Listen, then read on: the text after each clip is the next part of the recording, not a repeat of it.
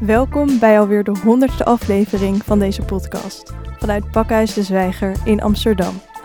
Mijn naam is Annick van Rinsem en vandaag spreek ik met niemand minder dan Egbert Fransen, de oprichter en directeur van Pakhuis de Zwijger. Beste Egbert, welkom. Goedemiddag. Hoe voelt het om hier te zitten en aan te schuiven aan onze eigen podcast? Mm, enigszins ongemakkelijk. Kan je duiden waar dat ongemak vandaan komt? Uh, ja, om, om, uh, omdat uh, ik, CQ, het team, vooral altijd de mensen uitnodigt om te praten en niet zozeer zelf praat. Mm -hmm. dus wij, wij, praten graag via onze gasten. en en, en houden ons zelf wat op de achtergrond. Ja, want je bent dus de directeur van Pakhuis de Zwijger, maar je zou jou ook een curator kunnen noemen, die van alles en nog wat ziet en dat bij elkaar brengt. Hoe ga je eigenlijk te werk? Zeg maar, hoe blijf je op de hoogte van die ontwikkelingen en uh, ontdek je ook de dingen die je belangrijk vindt? Vooral door heel veel te lezen. Uh, en lezen overigens tussen aanhalingstekens. Dat betekent niet dat ik alles tot in detail lees maar minimaal de koppen en de inleidingen uh, en, de, en de headlines. Dat je wel uh, weet wat er speelt. Dat je heel goed weet wat er speelt. En dat, dat haal je natuurlijk vanuit allerlei verschillende bronnen. Uh, lees goed, goed de kranten, veel nieuwsitems, veel eh, nieuwsbrieven waarop ik geabonneerd ben. Wat is er dan nodig voor jou om echt omdat er iets aangaat waardoor je denkt, dit moet ik in de gaten houden, deze mensen moet ik opzoeken. Uh, wat is daar dan voor nodig? Ja, dat, dat, proef je, dat proef je eigenlijk heel snel op, op het moment dat je een bepaalde richtgeving, berichtgeving vaker ziet terugkomen, dat je mensen erover hoort praten. Uh, maar vooral is het het combineren van al die informatie. Want het, zijn nooit, het is nooit één bericht alleen. Het is, het is altijd een combinatie van signalen die je opvangt en die je vaak al van verre ziet aankomen. Ja, dus als je iets echt het... gaat spelen, dan denk je, hier moet ik wat mee. Ja, want je, kijk, het, het, het, het, is natuurlijk een, een ongelooflijk genot enerzijds en rijk gegeven dat wij meer dan 600 programma's per jaar maken. Dat dat al natuurlijk een, een bron in zichzelf is. En waarin je de mensen hoort praten, hoort agenderen, uh, accenten hoort plegen, et cetera. Uh, maar daarnaast, en dat is natuurlijk afgelopen jaar wel een, een uh, groot gemis geweest dat je de mensen daarna ook weer spreekt aan de bar of op het plein met een, uh, met een, een, wijntje of een biertje erbij. Ehm, en dat is, dat is, daar, daar zijn de bronnen. Daar, haal je, daar haal je wat er, wat er speelt. Uh, en, en daar haal je de, de kleine dingetjes vandaan die opkomen of die mensen, uh, waar verwondering is bij mensen of waar, waar, waar urgentie geduid wordt. Um, en, en vooral daarnaast uh, heel veel vragen stellen. En dus niet genoegen nemen met het eerste de beste antwoord of het eerste beste ding wat je leest. Maar vooral heel veel vragen stellen en mensen uitnodigen om, uh, om, om het gesprek met je aan te gaan. En, waar... en, heel, veel, en heel veel verschillende bronnen. Hè? Dus niet maar één bron van één, vanuit mm -hmm. één hoek. Uh, maar, maar zoveel de, mogelijk verschillende dingen. Ja, en, en vooral vanuit heel veel verschillende domeinen en heel veel verschillende hoeken. En dus het is, het is net zo goed het, uh, het FD als een uh, hippe berichtgeving over, over mode, design, nieuwsbrieven die dagelijks uh, verschijnen, veel internationaal ook. Je studeerde ooit communicatiewetenschappen? Zeker, in een ver verleden, ja. Van waar, van waar die keuze en wat ben je daarna gaan doen? Ik heb, ik heb eerst een lerarenopleiding gedaan, heb lesgegeven op school. Uh, ben daarna pedagogie gaan studeren aan de UvA. En uiteindelijk voor mezelf geconcludeerd. Super interessant, super relevant. Maar dat is niet mijn, mijn ding uiteindelijk. Uh, daarvoor was eigenlijk wel bepalend dat ik niet zozeer het lesgeven niet interessant vond. Eigenlijk vond ik dat eigenlijk onwijs uh, interessant. interessant en leuk vooral ook om, om te doen. maar het was vooral het instituut school wat me tegenstond. Waarom? Uh, ja, de dagritmes, het ontzettend kortstondige contact met, uh, met collega's, met, uh, met, met leerlingen. Het was, het was te vluchtig. Het was, iedereen draaide jaar na jaar zijn, zijn, zijn eigen ding af. Nou, ik miste niet dat, genoeg diepgang daardoor. Overigens wel allemaal dingen die heel erg nodig zijn, denk ik. Mm -hmm. Maar heel gesegregeerd, alles in hokjes geknipt, weinig innovatief. Ja, ik weet niet of, of dat dan een goed momentum is geweest, zeg maar, voor onderwijsvernieuwing. Mhm. Ik vond van niet in ieder geval. Eh, dus het, het, het daagde mij uit om, eh, om, om een bredere verkenning te doen. En na een, een propeduizen in, uh, in, in, in pedagogiek uh, ben ik, dat kon toen nog allemaal ongestraft en ongelimiteerd, heb ik een enorme zoektocht binnen de UvA, maar ook andere universiteiten in het land gedaan om, om een brede oriëntatie te doen. Dus ik heb bestuurskunde, antropologie, bedrijfskunde, bedrijfspsychologie, organisatiekunde, van alles en nog wat gedaan. Mm -hmm. Totdat op een gegeven moment toch... Daar heb je allemaal een deel Ja, van de studie van gedaan. Ja, ja, allemaal, allemaal vakken of reeksen vakken eh, gevolgd die je allemaal eh, op een lijstje kon zetten met studiepunten. Ik zie Eh. al een soort patroon ontstaan van dat het dus... eh, en dat je die hokjes al niet leuk vond en dat eh, je innovatie miste. Nee, absoluut. Eh, en, en, en waar ik dus heel erg behoefte aan had om het niet maar vanuit één bron te halen, maar uit verschillende bronnen. En die dan te kunnen combineren. Dus het, Ja. het meer eclectische zit zeker, zeker in me. Nou goed, uiteindelijk moest, je, moest ik toch, toch een keer een einde aan die studie maken. eh na ongeveer eh, weer ze- zes jaar studeren na leraaropleiding. Dus eh, toen, toen moest het klaar. En toen was er een, een studie, namelijk communicatiewetenschap, die alleen bovenbouw had en nog zo in ontwikkeling was dat er heel veel ruimte was voor van alles en nog wat aan keuzevakken er tegenaan te zetten. Dus al die vakken die ik gedaan had, die kon ik als keuzevakken opvoeren. En toen heb ik een soort sprintje getrokken. En toen heb ik een, eh, een scriptie geschreven over interne communicatie bij organisatieverandering. Mhm. Eh, en eigenlijk is, is dat, als je goed bekijkt, ook waar ik nu nog mee bezig ben. Namelijk als je de stad als een organisatie ziet die continu in verandering is. Mhm. Ehm, dus eh, ik, heb, ik heb communicatiewetenschap uiteindelijk afgestudeerd en ben dus officieel DRS. En vanaf, vanaf dat moment, via een stage overigens, die ik toen in die tijd ook nog gelopen heb bij eh, KPMG Management Consulting, uitgekomen in Utrecht. Die zaten in het toen de tijd heel hip, maar zeer niet functioneel pand. Namelijk het zogenaamde Yin-Yang gebouw eh, in Rijnsweert. Super interessante periode als, eh, van een groot deel als hoofd marketing communicatie daar gewerkt. Maar ik vond het leukste om met, eh, met consultants op, op pad te gaan, die dan in allerlei hele ingewikkelde verandertrajecten bij grote ondernemingen, bedrijven, overheden eh, zaten. Wat waren die verandertrajecten en wat probeerden jullie daarmee in gang te zetten en aan te wakkeren? Kijk, grote, grote bedrijven die, die moeten zich natuurlijk ook continu aan hun, aan hun veranderende omgeving aanpassen. Nou, daar hebben veel van die bedrijven moeite mee, dus dan halen ze een stel consultants binnen om te helpen. Was zeer, zeer grote variatie in de opdrachten. Maar ik vond het meest interessante eh, eraan om in heel veel keukens eh, te kijken van al die verschillende ministeries, be- belastingdienst, eh, bedrijven, Nederlandse spoorwegen was een hele grote. Ehm, en dat vond ik een feest, omdat je wel meteen binnenkwam op het allerhoogste niveau. met directies en managementteams om, om tafel zat. Ehm, en en één, één ding was ik enorm verbaasd over, dat dat allemaal ongelooflijk ehm, top-down eh, ingezet werd. Ehm, aan de top werd, werd bepaald welke richting er gegaan werd. In de top werd een fusie in elkaar gezet. En dat werd dan in een, in een, eh, zeer, op een zeer directieve manier in, in zo'n bedrijf ingebracht. Terwijl ik toen de vraag. Probeerde je dan misschien ook een beetje te proeven, dus als je in die verschillende keukens was, eh, wat dan die taal was en wat dan die, eh, ja, die macht gaf aan de, die, wat dan die taal was die die directie sprak. Was dat er interessant aan? Wat maakte dan elke keuken verschillend? Nou, misschien was dat wel het meest teleurstellende. Dat die keukens eigenlijk helemaal niet zo verschillend waren. Hmm.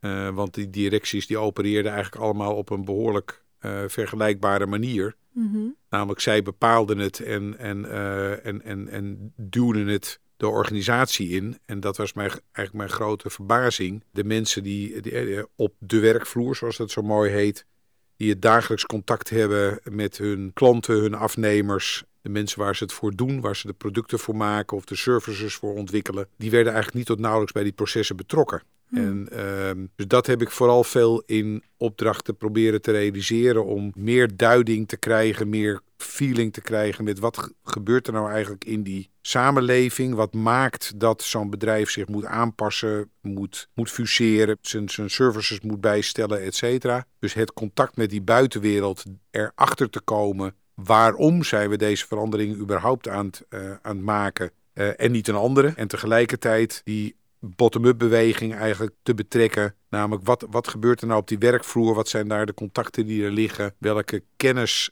eh, beschikken al die medewerkers over? En hoe zou je dat veel nadrukkelijker kunnen inzetten bij zo'n veranderingsproces... in plaats van alleen maar de top-down beweging? Ja, het was dus echt heel erg inventariseren en voelen eh, welke kennis en ervaringen er al, zijn eigenlijk, maar waar nog, misschien nog niet goed naar wordt geluisterd. Waar niet goed naar werd en nog steeds wordt geluisterd. En vooral veel meer gevoel te krijgen met...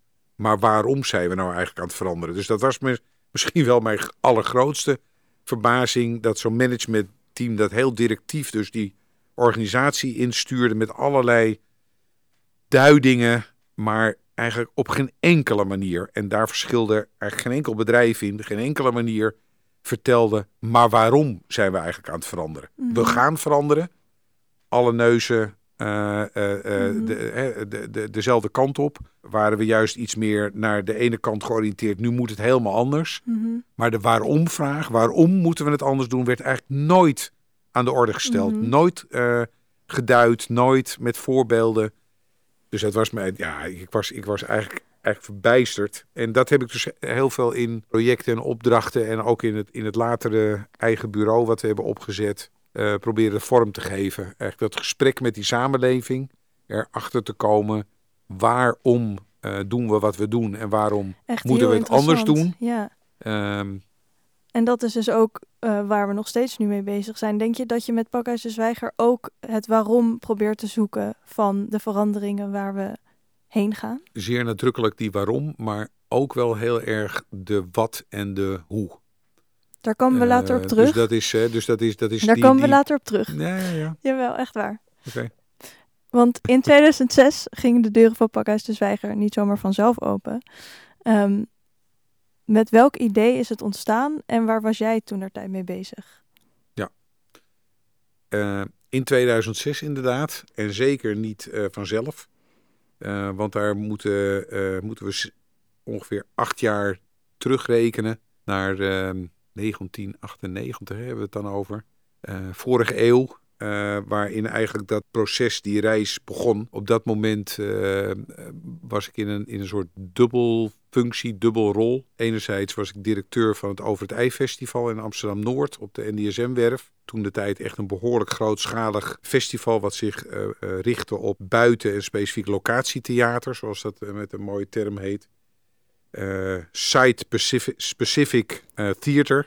Daar heb ik nog Eh, een vak in gevolgd op University College Utrecht. Site Specific Performance. Precies, en, en daar was de, de groot, eh, het, het grote gezelschap wereldberoemd in, in Amsterdam, Dochtroep. Waar we heel veel mee, eh, projecten mee hebben gerealiseerd. Dat was een waanzinnige tijd. Eh, dat was mijn ene eh, job. En de andere job die was voortgekomen vanuit het werk bij KPMG. En ik was daar op een gegeven moment klaar mee. En heb daar, heb daar ontslag genomen. En toen ben, ben voor mezelf begonnen met een bedrijfje wat we Cultuurfabriek hebben genoemd. Cultuur vanwege cultuur, cultuur, kunstcultuur, maar ook bedrijfscultuur. En fabriek, omdat het ook ging om echt dingen maken en tot stand brengen. En die, dat cultuurfabriek dat is alleen begonnen en dat dijde vrij snel uit. Eh, onder andere met mijn vrouw Hester. Hebben we het ook voor een heel eh, groot deel samen op, opgezet.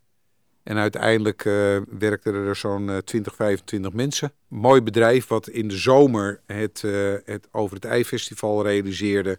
Door het jaar heen nog wat andere kunst- en cultuurprojecten. Maar vooral heel veel zaken in opdracht deed.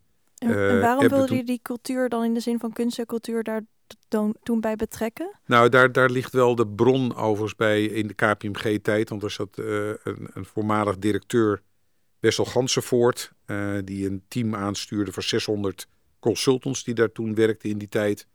Uh, die, uh, die had één grote passie en dat was eigenlijk kunst en cultuur. Eh, maar, maar niet zomaar, maar hij zag die kunst en cultuur als een grote aanjager, inspiratiebron voor, voor zijn consultants. Om dus de verbeeldingskracht en de innovatiekracht en de creativiteit uit die kunst en cultuur, om die meer het bedrijf in, in te brengen. Dus ik heb een groot deel van mijn tijd daar in mijn marketing-communicatiefunctie heb ik in opdracht van hem gewerkt om inderdaad fotografen, theatermakers, in, in, storytellers in, in het bedrijf te brengen om daar ja, mensen te leren op een andere manier te kijken naar de wereld en daar ook andere perspectieven aan te verbinden. Dus en openingen dat... misschien te creëren door creatieve Ab Absoluut. En, en, uh, en ook echt op een andere manier de wereld inkijken. Dus daar heb ik in die tijd al heel veel daar de, de verbinding mee gelegd. En steeds meer in, uh, in die theater- en overigens ook muziekwereld uh, terechtgekomen. Grote muziek theaterproducties gemaakt. Grote projecten in Carré gestaan en alle grote zalen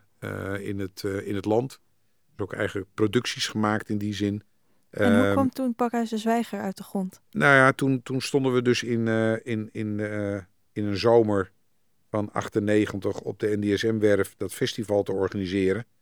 En toen kwamen er twee jongens op mij af die uh, zelf ook cultuurproducent uh, waren. Alleen aan de andere kant van het ei, namelijk aan de centrum-oostkant van het ei. Aan de kade waar wij nu met Pakhuizen Zwijger zitten, stond een hele rij met uh, pakhuizen. In een van die pakhuizen waren zij op dat moment actief geweest. Frieshuis Amerika, wereldberoemd in, in Amsterdam. En omstreken werden fantastische activiteiten georganiseerd, onder andere door hun. Zij waren wel daar heel specifiek belangrijke cultuurproducenten. En op een uh, zeer ongelukkige avond uh, is daar uh, iemand de liftkoker ingestapt en, en overleden.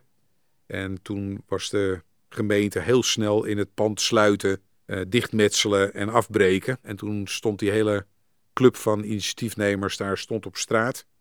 En uh, kregen toen als een soort van doekje voor het bloeden de mogelijkheid om Pakhuis de Zwijger te herontwikkelen. Want op dat moment ook gekraakt, al heel lang gekraakt overigens. In gebruik als, uh, als, als muziekstudio waar uh, destijds Herman Brood en Lois Lane nog hebben geoefend. Er waren gebiedsontwikkelingplannen gemaakt door de gemeente over deze hele strook. Ehm, en, en op de plek van Pakhuis de Zwijger stond de ster in relatie tot de, tot de onderdoorgang van, de, van het spoor naar Kattenburg toe. Uh, waar een andere ster was, bijvoorbeeld waar nu het uh, muziekgebouw staat. Mm -hmm. uh, en die sterren moesten ontwikkeld worden naar het idee van de gemeente als culturele plek. omdat dat een soort aantrekkingskracht naar die, naar die hele kade zou, zou moeten worden.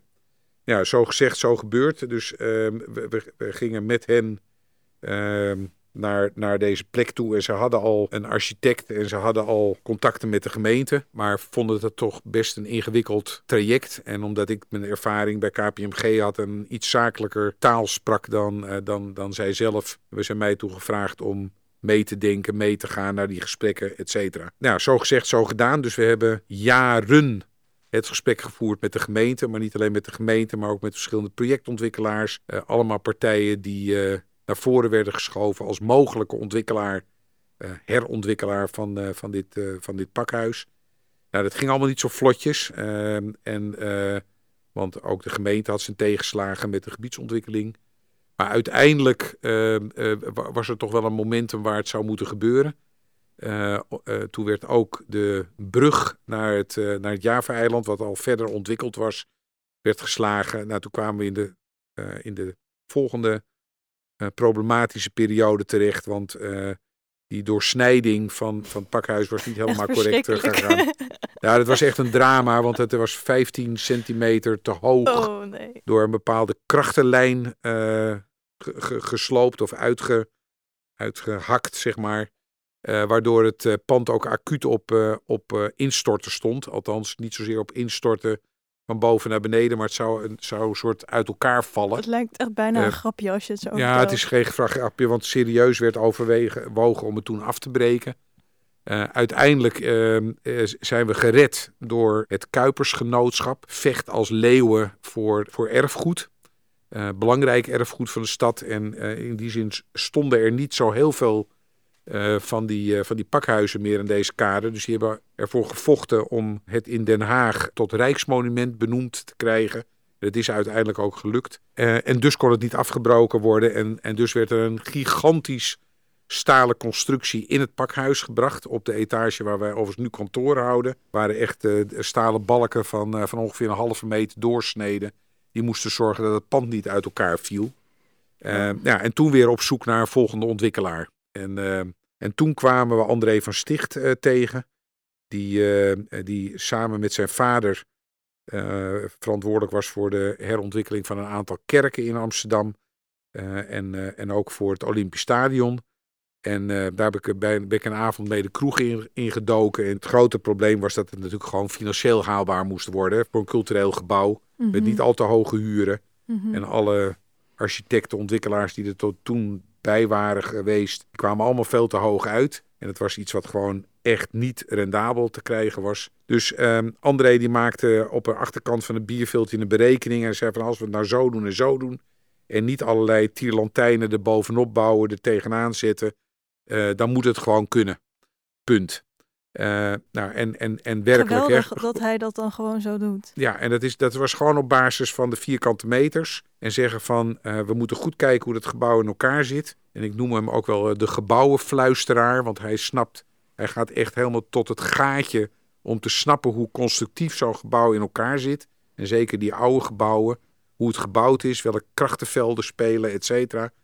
En hij moest natuurlijk overweg kunnen met onze ruimtelijke eisen. Want ik bedoel, je, je gaat niet zomaar een gebouw ontwikkelen. Je gaat het gebouw met een, met een functie en de gewenste betekenis ontwikkelen. En je moet nagaan, dit, dit was een, een vriespakhuis. Mm -hmm. uh, want hele dikke, dikke muren en het was hartstikke koud hier binnen. Maar ook een vloeren pakhuis met een, met een beperkte hoogte. En wij wilden een grote zaal erin. Ja, dat, dat, dat, dat was er niet en dat, kon, dat kon ook maar niet zomaar. Dus hij is heel precies gaan, gaan berekenen hoe het dan moest. Uh, en het is gelukt. We hebben een, een, een, grote zaal op de meest kwetsbare plek van het gebouw. Namelijk boven de brug die naar het Java-eiland uiteindelijk uh, gerealiseerd is uh, door de architect Venhoeven. Herken je iets van jezelf in die can-do attitude die hij, André van Sticht, had? Ja, ik vond het fijn. Ik bedoel, daar, daar, daar ben ik echt maatjes met hem geworden. Omdat hij zo to the point was met we gaan dit gewoon, we gaan dit gewoon samen doen, weet je. We, gaan geen vragen stellen, we gaan niet moeilijk doen, we gaan geen omwegen. Nee, het moet, moet er gewoon komen. Ja. En dus hebben we eindeloos wel om tafel gezeten. Ja, ook eerst nog met de, met de oorspronkelijke uh, hè, mensen die ik ooit al in Noord was tegengekomen. waar een hele grote brainstormgroep. Die natuurlijk ook helemaal wild ging op het concept, inhoudelijke concept. Um, maar misschien uh, niet zo doorpakte als jullie. Nou, niet, niet doorpakte. Ik, ik had gewoon, ik had mijn zinnen gezet op een eigen gebouw in de stad. Uh, nadat we overigens een, een, een aantal jaren in Felix Meritus heel actief waren geweest. Maar je wilde Maar- gewoon je eigen plek Ja, en hij hielp je daarmee om dat te realiseren. Absoluut, absoluut. Ja. En eh, waar komt jouw eigen ondernemingslust eigenlijk vandaan? Nou, ik kom, ik kom uit een ondernemersfamilie. Mijn, mijn vader is, eh, was, was eh, hij leeft overigens nog steeds, eh, 88. Heeft het bedrijf van zijn vader overgenomen. Een, een keten aan drogisterijen in Amsterdam-Zuid. Dus ik ben een, ben, een ondernemerskind in die zin. Die continu na schooltijd scharrelde in de, in de magazijnen en de kelders van de winkels. Dus ik, ik, heb, ik heb het ondernemerschap van heel dichtbij meegemaakt. Overigens ook het rauwe randje daarvan, namelijk dat, eh, eh, dat alle zaken één voor één uiteindelijk failliet gingen met de opkomst van de, van de supermarkten. Hmm. Eh, maar dat, ik denk dat het dat, me dat wel met de paplepel is ingegoten. En ik vind het gewoon mooi, mooi om dingen te, te, te realiseren, op te zetten, je eigen te maken. Daar ook echt eigenaar van te zijn, verantwoordelijkheid voor te nemen. Eh, en, en tot stand te brengen. En daar dan zoveel mogelijk mensen aan te verbinden, omdat je het gewoon niet in je eentje kan. Ja. Eh, ja, dus dit is, dit is de ultieme plek. Dus als ik me nu realiseer, hè, we zijn op weg in september straks naar ons 15-jarig bestaan. En dan is het 15 plus 8 eh, jaren voorbereiding. Dus dan is het 23 jaar met zo'n plek bezig zijn. Denk ik, wauw, dat is lang. Ja, maar dan heb je Eh, er ook wel echt iets voor terug. Ja, maar het is, het is ook omgevlogen. Weet je, het is echt gewoon, het is gewoon nog als de dag van gisteren. Het is echt omgevlogen. En we hebben waanzinnige dingen gedaan. We zijn echt een plek van betekenis in de stad geworden. Nog heel even terug naar Ja. eh, dus je familie waar je vandaan komt. Want Pakhuis de Zwijger is ook niet zomaar een onderneming, maar ook een familiebedrijf. Zeker. Want Ja. je vader, Leendert Fransen, eh, doet een deel van de boekhouding. En je vrouw, Hester Tichteloven, eh daarmee voer je de directie. Zeker. En hoe ervaar je dat? Ja, dat, dat, eh, dat ehm, er- ervaart op, op zijn minst als, als heel veilig en vertrouwd. En eh, als je ondernemer bent, is dat, eh, is dat heel erg nodig. Net zoals mijn moeder met mijn vader eh, de drogisterijen bestierden. Wel met allebei hele duidelijke verantwoordelijkheden en, en taken, maar dat, ze deden het echt samen. Eh, doen, doen wij het ook samen. En eh, mijn vader, die is, eh, ja, omdat hij een eigen zaak heeft gehad, weet hij hoe hij moet boekhouden. En, en dat is begonnen toen ik, toen ik met een eenmanszaak begon. Dus, ja, dan kom je met zo'n schoenendoos, heel traditioneel schoenendoos. Wil jij de bonnetjes een beetje fatsoeneren? Nou, daar is hij mee begonnen. En uiteindelijk hadden we een cultuurfabriek met 25 man. En toen deed hij 100% de boekhouding. En daarna is hij meegegaan naar het pakhuis. Heeft dat in het begin ook gedaan. En daarna is Wenda erbij gekomen. En Wenda is, is eigenlijk ons, nu onze steun en toeverlaat als het om eh, financiën gaat. Maar Leendert komt nog steeds één keer in de week. Hoewel het afgelopen jaar natuurlijk door, eh, door COVID eh, een, een jaar lang niet. Maar hij is inmiddels twee keer ingeënt en is afgelopen week weer voor het eerst op kantoor ge- geweest. Omdat hij Gezellig. nu toch beschermd is. Het is eh, enorm vertrouwen, enerzijds op, op financiën. eh, en anderzijds eh, ja, een, een, een sparringpartner die het andere deel van de, van de bedrijfsvoering op zich neemt. De horeca, de zaalverhuur, de hele HR. Al, alles wat met, met de bedrijfsvoering te maken heeft, is in zeer vertrouwde handen van, van Hester.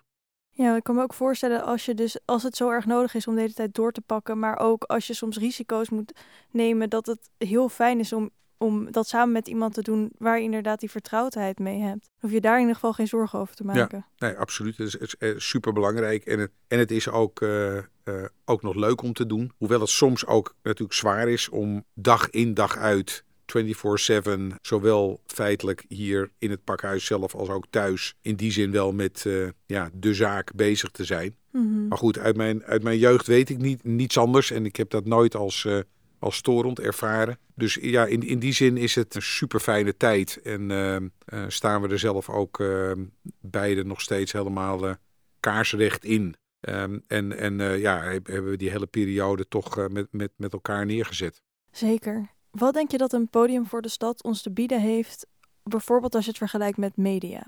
ik zie Pakhuis de Zwijger in, in, in twee belangrijke opzichten. Het is enerzijds een plek waar heel veel mensen die zich met hart en ziel aan onze stad verbonden hebben, maar niet alleen met onze stad, maar ook met de grote maatschappelijke uitdagingen in, in, in ons land, maar ook wereldwijd. Geëngageerde mensen die echt een bijdrage willen leveren aan een betere stad, aan een betere wereld, elkaar ontmoeten.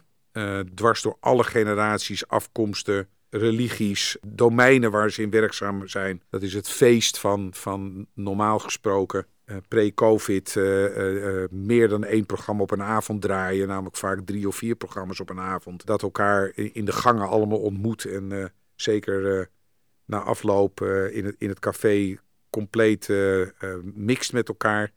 Ja, dat is het grootste feest wat je je kan, kan bedenken. Dat, dat, dat al die ontmoetingen daar plaatsvinden. Eh, dus het is echt een ontmoetingsplek, maar het is ook een plek van, eh, van, van leren, van agenderen, van presenteren, van eh, uitwisselen, van zaken tegen het licht houden, bespreken. Want wat betekenen die ontmoetingen voor jou en, en hoe faciliteer je een goede ontmoeting en wat kan dat dan teweeg brengen? Ja, het is, het is, het is ongelooflijk veel wat het teweeg brengt. Hè. Het, het, het, het, brengt een nieuw vocabulaire in, in de stad in heel veel gevallen. We zijn denk ik echt continu bezig met, eh, met, met te agenderen, nieuwe dingen in te brengen, taal te ontwikkelen, nieuwe initiatieven te presenteren, mensen met elkaar te laten ontmoeten, eh, door elkaar te laten inspireren, kennis, kennis te laten delen, et cetera. En dat is een ongelooflijk mooi, eh, mooi vak. Als je dat verstaat, de programma's maken, maar vooral die ontmoeting faciliteren, dan is er niks mooiers om, om, eh, om dat te doen. En dan leidt dat tot heel veel verschillende dingen, tot mensen die elkaar eh, ontmoeten en hier de, de liefde van hun leven treffen. Tot, eh, totdat er hier allerlei bedrijfjes en start-ups zijn gestart. Dat er samenwerkingen zijn, zijn vormgegeven hier. Dat er eh, mensen een, een, een, een plek gevonden hebben als bestuurslid van een stichting. Of je kan, het, je kan het zo gek niet bedenken of het is hier wel tot stand gebracht. Uh, veel mensen komen hier om, uh, om te pitchen vanuit hun business die ze, die ze hebben. Hè? Want dan weten ze dat er een, een, een, iemand van een bedrijf of een, of een wethouder of een, een ambtenaar is waarvan ze denken... nou, als ik, als, als ik daar even contact mee leg, dan kan ik vertellen wat, wat, ik, wat ik hem of haar kan bieden. Dus wat dat betreft is het een, een, een plek met vele, velelei betekenis en velelei impact ik vind, ik vind er niks mooiers dan die ontmoeting organiseren. En daar zit een deel bij wat je, waar je echt de regie over kan voeren. Wat je, wat je echt kan inrichten op een bepaalde manier. Waarop je die, nou, ik zal maar zeggen, de botsingskans uh, vergroot. En, het, en, en, en, en die impact ook echt daar een, een, een hele specifieke gerichte bijdrage aan kan leveren. Maar er is ook nog zoiets als een toeval. En, en uh, ja, toeval kan je wel een handje helpen. Mensen die elkaar toch onverwacht uh, aan de bar treffen, onverwacht naast elkaar zitten in een zaal en in gesprek met elkaar raken. Uh, of elkaar uh, treffen bij, bij jas ophangen of de deur uitlopen of whatever. Ja, wat je ook al eerder noemde over hoe uh, Parijs de Zwijger is ontstaan, maar ook over hoe je dit bedrijf runt met je familie, is het toch wel duidelijk dat we elkaar gewoon nodig hebben. En dat, dat mensen echt bloeien als we samen dingen doen. Ik geloof heel erg in het, in het, in het samen doen. Ik bedoel, niemand kan iets in, in zijn uppie.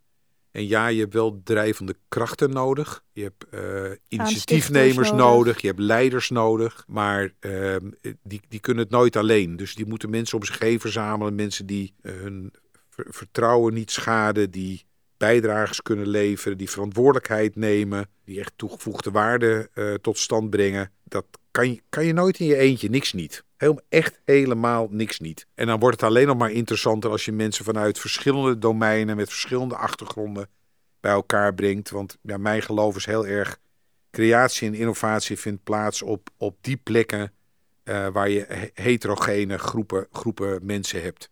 En dus juist het niet gelijk zijn, het niet hetzelfde denken, uh, dat, dat brengt vernieuwing tot stand. Ja, en al die dingen bij elkaar brengen, daar gaan we het zo meteen ook nog over hebben. Maar nog even over dit jaar, want um, het is natuurlijk een heel heftig jaar geweest met de COVID-19-pandemie. En wij hebben ook ons hele rijlen en zeilen echt flink moeten heruitvinden.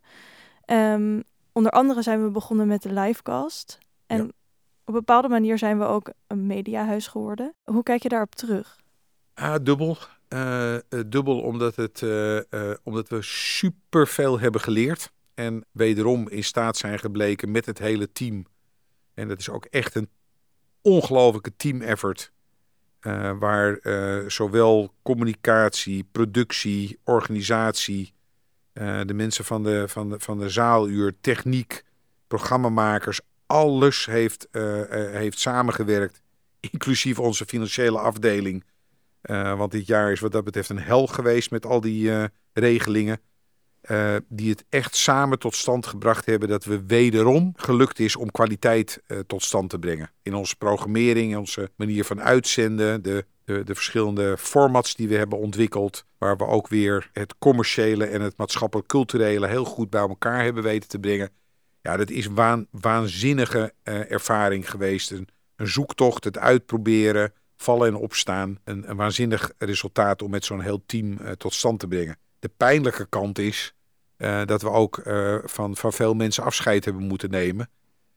die, die hier soms al 11, 12, 13 jaar werkten. Waar, waar gewoon even geen plek meer voor was. Of gewoon, helemaal niet gewoon, waar geen plek meer voor was. Doordat we het hele horecabedrijf hebben moeten hoe graag je het ook zou willen, er was gewoon. Ja, het, is gewoon, maar ik wil dat dit, dit verhaal het, klinkt niemand vreemd in de oren, want dit is, dit is niet, we zijn niet de enige die dat is overkomen.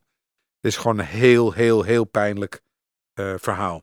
Ja. En uh, godzijdank is het dan weer dat we, dat we met heel veel van die mensen, het grootste deel, contact zijn blijven houden. En dat het er ook naar uitziet dat een groot aantal van die mensen straks weer gaat terugkeren hier. Maar uh, het, was, het was super pijnlijk en het is nog steeds pijnlijk.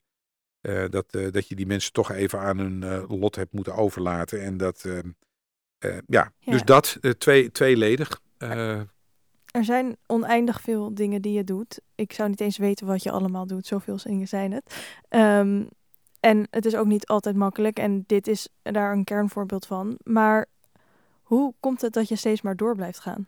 Ja, ik vind het, er is gewoon niks leukers. Uh, er is gewoon niks leukers om te doen, niks interessanters om te doen. Wat, wat zich ontwikkeld heeft. Wel iets, denk ik, wat, uh, uh, wat, wat, wat gewoon wel, wel in me zit. Is dat um, je vanuit zo'n sterke basis die we nu na zoveel jaren hebben. Met Pakhuis Zwijger. Het is, ook, het is ook echt een robuust gebouw. Maar het is inmiddels ook wel echt een robuuste organisatie. Die staat als een huis. Die staat als een pakhuis. Uh, maar van daaruit kan je ook weer allerlei nieuwe stappen nemen. Dus de, de, ontwikkeling van twee uh, dependances in Nieuw-West en, en Zuidoost is er één uh, die we hebben kunnen maken omdat we zoveel er, ervaringen hebben opgedaan. Dat ja, houdt, houdt mij in beweging dat je een basis hebt die, die, die sterk is. dat het een uitvalbasis is voor steeds weer uitstapjes, vernieuwing nieuwe vormen kiezen. Ja, dat is hoe, hoe ik graag werk. En wat hebben de dependances dus Nieuw Metropolis, Nieuw-West en Zuidoost te bieden... wat het Pakhuis de Zwijger aan de Piet Heinkade niet te bieden heeft? Ja, Pakhuis de Zwijger hier aan de, aan de Piet Heinkade in, in, in Amsterdam-Oosten... hartstikke dicht bij, bij het Centraal Station... focussen zich op, op die grootstedelijke opgaves, op die grootstedelijke uitdagingen. Daarbij gaat het om Amsterdam, het gaat om de metropoolregio... het gaat over hoe die metropoolregio zich verhoudt tot het ommeland en, en, en de rest van het land, maar ook ten opzichte van Europa en de wereld. Het zijn de grote bewegingen die we wel steeds proberen te larderen en specifiek te maken door het dagelijks leven in, in, in onze eigen stad, maar ook in, in steden door, door het land heen of in, in de rest van de wereld aan, aan de orde te stellen. Het is redelijk op grote, grote schaal gedacht. En daarnaast uh, heeft, heeft in ieder geval mijn in, interesse hoe het, hoe het zit in het dagelijks leven. En hoe je, als je nog meer inzoomt op die stad, op de buurt en op de huishoudens en op het dagelijks leven van de mensen in de stad. De ondernemers, de bewoners. Dat je dan kijkt wel, welke impact hebben al die beleidsmaatregelen, al die activiteiten in de stad, al die, die, dat ondernemerschap. Wat heeft dat voor een impact uh, op, op die mensen? En ja, als je dan begeeft uh, in twee stadsdelen die behoorlijk onder druk staan, om allerlei redenen overigens, Zuidoost en Nieuw-West. Uh, dan kan je daar veel meer inzoomen op specifieke issues, op specifieke voorvallen, op actualiteiten. Uh, en dat maakt het een, uh, ja, een enorme aanvulling en, en verrijking van, van wat we hier in het, in, in, in pakhuis doen. Wat maakt dat je je zo getrokken voelt en misschien zelfs zo geroepen voelt om je echt in te zetten voor de sociale thema's die jij als noodzaak ziet? Nou, het zijn niet alleen maar de sociale thema's, maar het zijn natuurlijk ook de sociale thema's. Je kan uh, uh, gebiedsontwikkeling, infrastructuur, economische ontwikkelingen niet loszien van, van, uh, van, van het sociale domein. Ik, waar ik denk ik meer heen van, van waar komt het van, vandaan dat jij de wereld beter wil maken? Eigenlijk, om het heel plat te zeggen. Maar waarom ben je daar zo mee bezig? Ik, ik, ik weet niet waar daar specifiek de oorsprong ligt.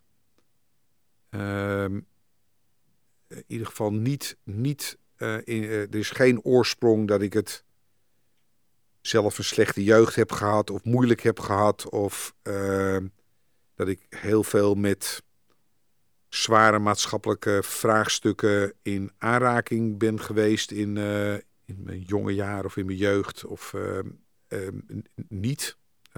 Geboren in en, en getogen in in de rivierenbuurt in Amsterdam-Zuid. Dus ik denk uh, niets, uh, het heeft mij niets ontbroken. hoe hard mijn ouders daar ook voor, over voor, voor hebben moeten werken. Ik weet het niet waar het, waar het, specifiek vandaan komt. Het, het, het heeft wel vanaf het begin getriggerd.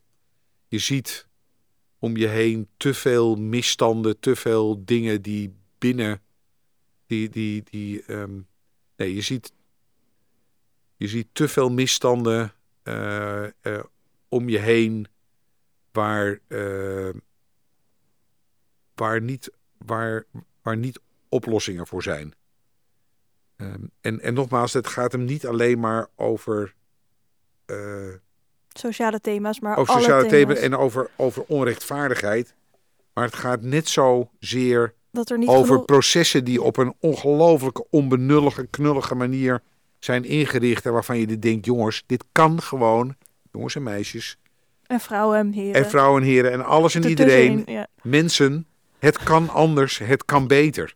Ja. En als we dat anders en beter doen, dan heeft het, kan het meer effect hebben, slimmer, efficiënter, effectiever. Je bent ook een Dus beetje dat- gefrustreerd dat iedereen het allemaal zo onhandig aanpakt. Nou, lang niet iedereen. Hè. Er zijn gelukkig ook heel veel mensen die het wel, wel eh, eh, slim doen. Maar er, zijn, er is wel heel veel onhandigheid. En er is heel veel dommigheid en, en eh, onbenulligheid. En, ehm, en met hele grote consequenties. En dat is misschien hetgene wat me wel het meest triggert. Dat soms zijn hele eenvoudige, eenvoudige, maar slechte en slecht beargumenteerde, slecht georganiseerde zaken hebben een ongelofelijke impact. Slechte, negatieve impact.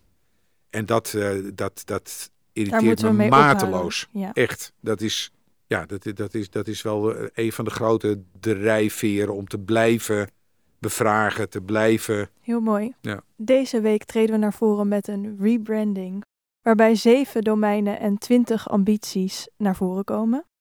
Wat betekenen ambities voor jou en hoe zie je ze- voor de toekomst van Pakhuis de Zwijger? Ja, we zijn, we zijn ehm, eh, we hebben natuurlijk een, een, lange zoektocht gemaakt, 15 jaar de tijd voor gehad. Ehm, en gaandeweg evolueer je en, en, en zie je wat echt belangrijk is en wat veel minder belangrijk eh, eh, wordt. Daarbij hebben we in ieder geval één ding eh, ehm, eh, gemarkeerd, namelijk waardegedrevenheid voor je stad en je land en je mensen om je heen, voor je samenleving. Dus waarde, waardes doen ertoe sterker nog moeten leidend zijn. En als je dan gaat kijken van hoe richt je dan je, je organisatie en je programmering daarop in, dan is het logisch om in domeinen te denken, want zo denkt elke organisatie, ook de grote gemeente en het Rijk, eh, ook om het hanteerbaar te maken, maar ook om ergens toegang tot te krijgen. Dus als je een, een toch even de, de, de krant als voorbeeld neemt, daar heb je gewoon katernen. Hè, je hebt het sportkatern, het cultuurkatern, het economiekatern en, en, en, en duurzaamheid katern. Nou, zo hebben wij domeinen benoemd. En dus we hebben ruimte, duurzaamheid, sociaal. Eh, dus dat, dat is de kant van het toegankelijk maken. Dat je snapt in welke nou, categorie het past. Maar de ambities waar je heen wil, die zijn eigenlijk het meest belangrijke. Dus de, de, daar beantwoord je mee eh, welke richting programmeer je op en waar, waartoe ben je op aarde. En ehm, eh, dan gaat het om uiteindelijk de vraag te, te beantwoorden: in wat voor een stad willen we leven, in wat voor een land willen we leven, eh, in wat voor een wereld willen we, willen we leven, om het maar even helemaal op het mondiale niveau te, te trekken. En wil je die vragen eh, ehm, eh, goed kunnen beantwoorden, dan moet je zeggen: nou, maar wat is belangrijk? Welke, welke thema's willen wij dat wij zijn of waar we naartoe werken? En daarbij is één, één ding wat voor ons evident is: dat wij willen, als we het op, even nu op het stedelijke niveau eh, betrekken, ehm, willen uiteindelijk toe naar een stad van, voor en door iedereen. Dat is een hele belangrijke.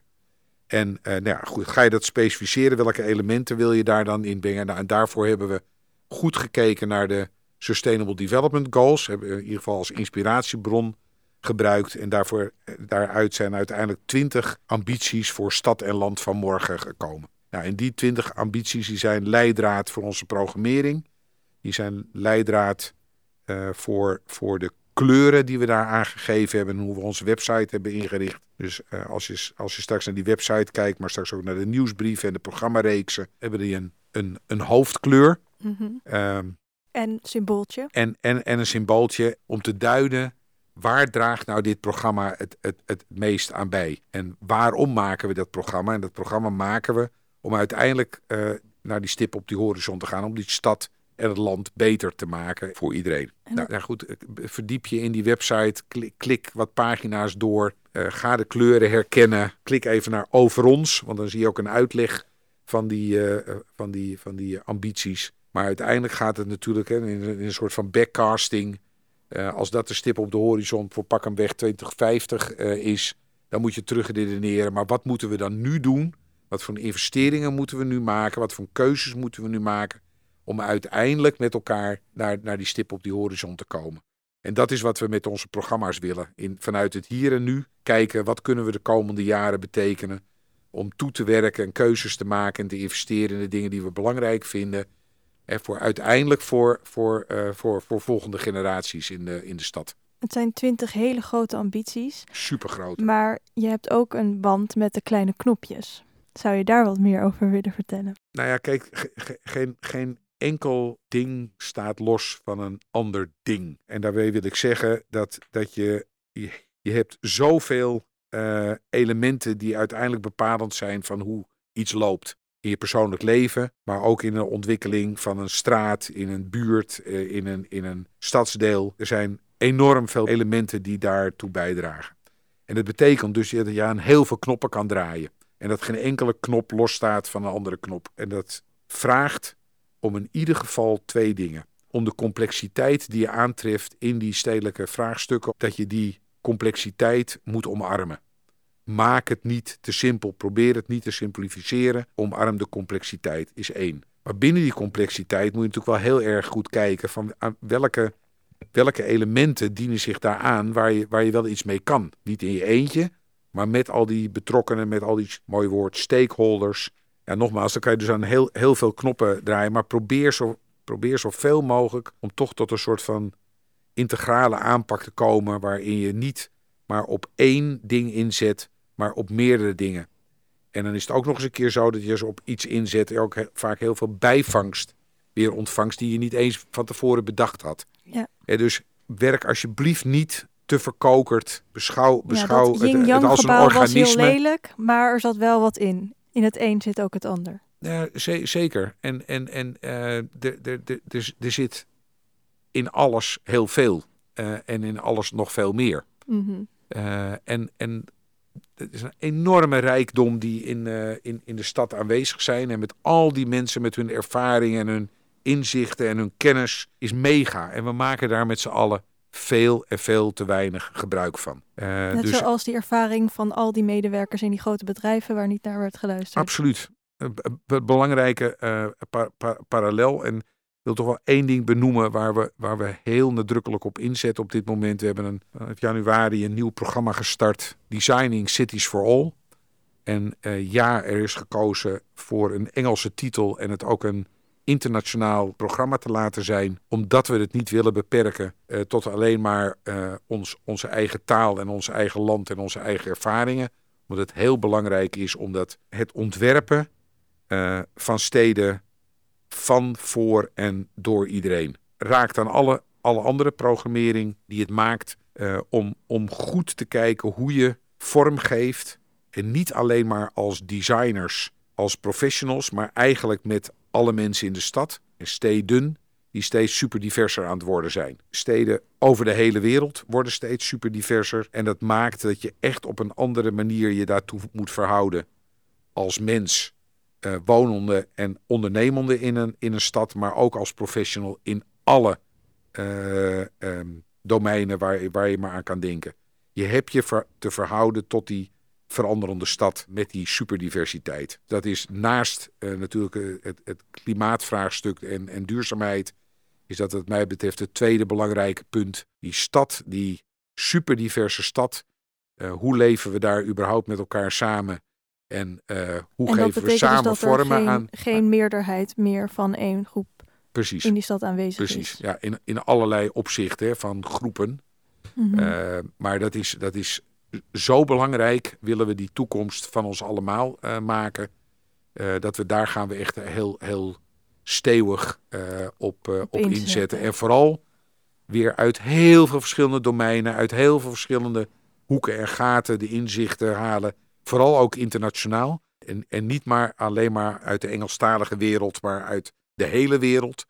Net zo, Ja, net zo zijn, goed de Aziatische wereld de hele als de. wereld. En, en daar zouden we graag meer mee willen doen. Maar op dit moment is het ook nog corona. Maar we gaan ook wat met de stad Amsterdam specifiek doen. Eh, want in september bestaan we 15 jaar. Zeker. Op welke manier wil je dat gaan memoreren? Door een klein beetje terug te kijken, maar vooral naar, naar, naar voren. Want met al die ervaringen is er wat mij betreft weer een uh, minimaal volgende vijf jaar, maar meer, meer dan dat. En die komende vijf jaar zijn cruciaal voor, voor de stad Amsterdam in de richting die het inslaat. En dat betekent dus dat we met z'n allen hele goede keuzes moeten maken.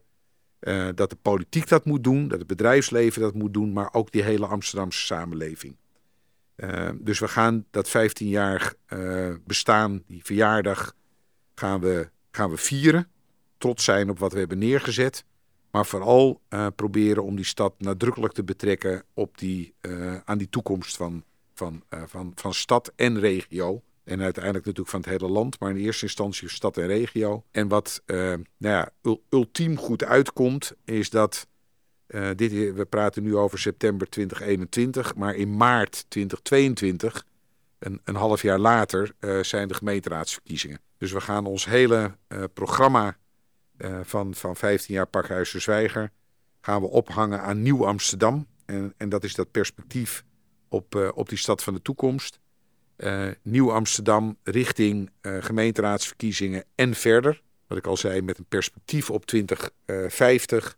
Met die 20 ambities, uh, maar zeggen, in, in ons voorhoofd. en we gaan daar dus een programmering op inzetten om op basis van die 20 ambities op weg te gaan naar die gemeenteraadsverkiezingen. En zoveel mogelijk Amsterdammers te betrekken in van, maar hoe moet die stad van die toekomst er nou uitzien?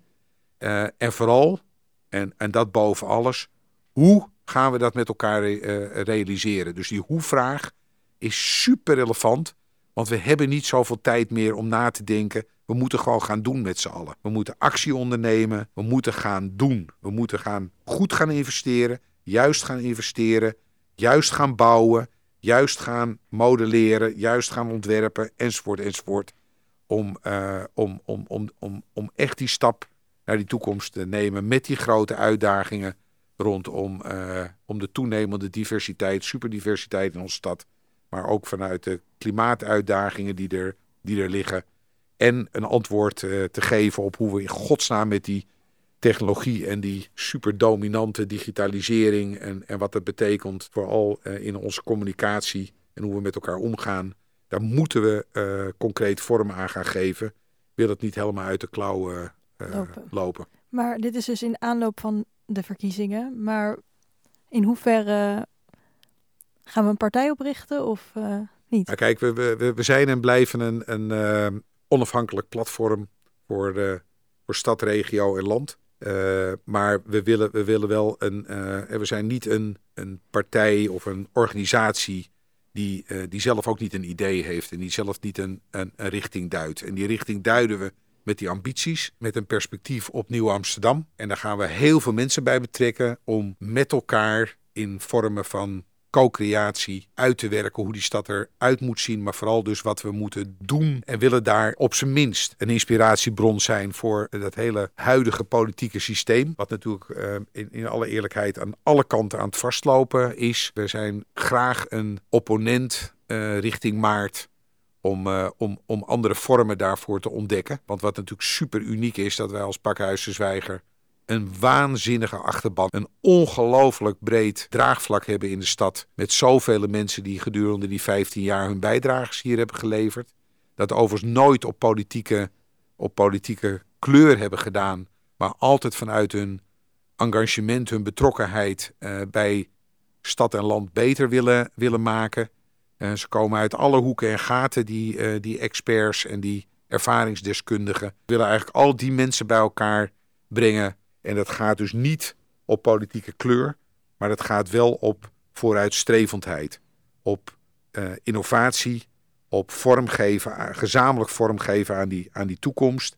En vooral uh, het bij elkaar brengen van al die verschillende mensen in die stad, die allemaal het beste willen voor hun kinderen en, en, en kleinkinderen en volgende generaties. Hè? Want daar verschillen wij allemaal niet in. Wat dat betreft zijn we allemaal mens en misschien een, raar ding om te noemen, maar uh, ik ben een uh, frequent kijker van, uh, van Voice Kids. En als je nou ergens de toekomst van ons land ziet, dan is het uh, in, in, de, in de huidige editie van de Voice Kids, waar al die kinderen voorbij komen vanuit met al die verschillende achtergronden, die allemaal hun families meenemen, waar, waar de verhalen van langskomen. En uh, denk je, dat, dat is de toekomst van ons land. Dat is echt de toekomst van ons land. En, uh, en dan zie je aan, aan die verhalen die verteld worden, we zijn, we zijn echt veel meer hetzelfde dan dat we verschillend zijn. Ja, en, en, en dat, wil ik, dat, dat wil ik heel graag ja, proberen verder te brengen met het, met het pakhuis en met nog meer jonge mensen in de stad. Maar vergeet niet, die jonge mensen staan altijd op de schouders van de generaties voor hen. Die zijn niets zonder hun ouders en hun voorouders en, enzovoort. Uh, dus ja, daar, daar, daar leveren we, en ik persoonlijk ook, uh, maar zeker met, uh, met, met Pakhuis de Zwijger als, als instituut en als, als plek in de stad, als ontmoetingsplek voor iedereen, graag nog, nog jarenlang bijdragen aan. Tot slot, Egbert, wat maakt Pakhuis de Zwijger Pakhuis de Zwijger? Dat we voor echt voor iedereen zijn. De keuze om geen toegang te heffen uh, om de deuren altijd voor iedereen open te zetten. Om de programma's te maken die we maken. Om de stap te maken met, met de dependances. Om niet vast te blijven zitten op, op, op onze stevige stedelijke plek. Maar ook die uh, twee stadsdelen Zuidoost en, en Nieuw-West in te gaan. En met alle uitdagingen van dien. Uh, om om, om zo'n festival uit te gaan, aan te gaan. We Make the City. Om de regio in te stappen de grenzen, alle grenzen over te gaan. En, en vooral uh, iedereen te, te betrekken. Iedereen die zijn bijdrage wil leveren, kan bij ons terecht. Als partner, als co-producent. Uh, mel, meld je en er, er, er is een plek. Dus ja, dat, dat maakt het echt uniek. Want wat mij betreft is er geen enkele plek die, die, die zo open en zo divers is als, als wij dat zijn. In onze programmasamenstelling in, in onze programmamakers, in onze moderatoren. Nou, ik, ik denk dat we dat uh, in, in 15 jaar echt op een hele knappe manier hebben neergezet. En uh, daar ben ik trots op, uh, maar ook heel realistisch in dat ik dat in mijn eentje nooit gekund had, maar wel met al die mensen om ons heen en al die bezoekers die uiteindelijk gewoon maken van Pakhuizen Zwijgen wat het nu is. Heel veel dank, Egbert Fransen. Dankjewel. Beste luisteraars, dit was de honderdste aflevering van de podcastserie van Pakhuis de Zwijger. Wil je meer weten? Kijk dan snel op onze nieuwe website via www.dezwijger.nl. Een rating achterlaten of je abonneren op deze podcast kan via SoundCloud, Spotify, iTunes of een ander podcastplatform. Dank voor het luisteren en tot de volgende keer.